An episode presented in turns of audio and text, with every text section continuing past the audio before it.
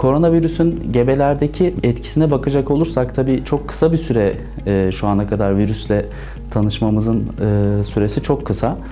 E, ama daha önceki koronavirüs enfeksiyonlarıyla karşılaştırırsak MERS gibi, SARS gibi, SARS 2002 yılında, MERS de 2012 yılında ortaya çıkan ve gene salgın yapan koronavirüs türleriydi. E, bunlarda e, gebelerde enfeksiyonun daha ağır seyrettiğini biliyoruz. Covid-19'da yani şu anki koronavirüs enfeksiyonlarında gebelerde daha ağır seyrettiğine dair herhangi bir veri elimizde yok. Gebelerde de o yaştaki hastalarla aynı şekilde seyrediyor gibi gözüküyor. Ee, ama tabii süre çok kısa. Sonradan bunlar değişebilir. Bu bir. İkincisi bebeğe enfeksiyonun geçme durumu.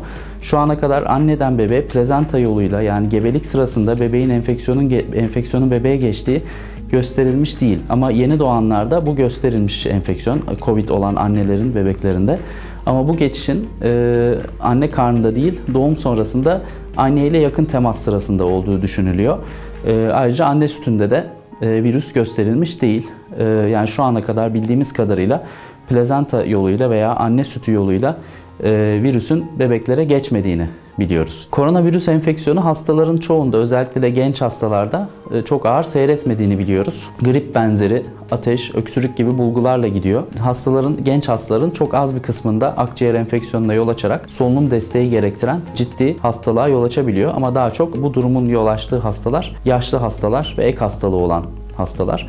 Şu ana kadar bilinen bir tedavisi yok. Koronavirüsün destek tedavisi dışında e, herhangi bir tedavisi yok ve aşısı da mevcut değil. Bu nedenle koronavirüs enfeksiyonundan korunmak çok çok önemli. Korunma için alacağımız tedbirler çok önemli. Bunda da en önemli yöntem belki de kalabalık ortamlardan uzak durmak. Çünkü enfeksiyon hasta bireylerin öksürmesiyle, aksırmasıyla ortama saçtıkları tükrüğün içinde bulaşabiliyor ve ayrıca bu tükrük damlacıkların e, temas ettiği yerlerde işte otobüslerdeki tutacaklarda, koltuklarda vesaire. Buralarda virüs canlı kalabiliyor bir süre ve buralara elimizle temas edip elimizi ağzımıza burnumuza götürdüğümüzde virüsün bulaşma ihtimali var. Bu nedenle kalabalık ortamlardan mümkün olduğunca uzak durmak ve e, elimizi sık sık sabunlu suyla yıkamak korunma açısından çok önemli. Çünkü e, sabunlu suyla yıkadığımızda virüsün aktivitesini kaybettiğini biliyoruz. Başka bir yöntemse eğer sabunla suya ulaşma şansımız yoksa o zaman alkollü el dezenfektanlarıyla ellerimizi temizlememiz yine e, elimize bulaşmış bir virüsün aktivitesini kaybetmesine sebep olacaktır. Ve ayrıca öksüren, aksıran, hasta olduğunu gördüğümüz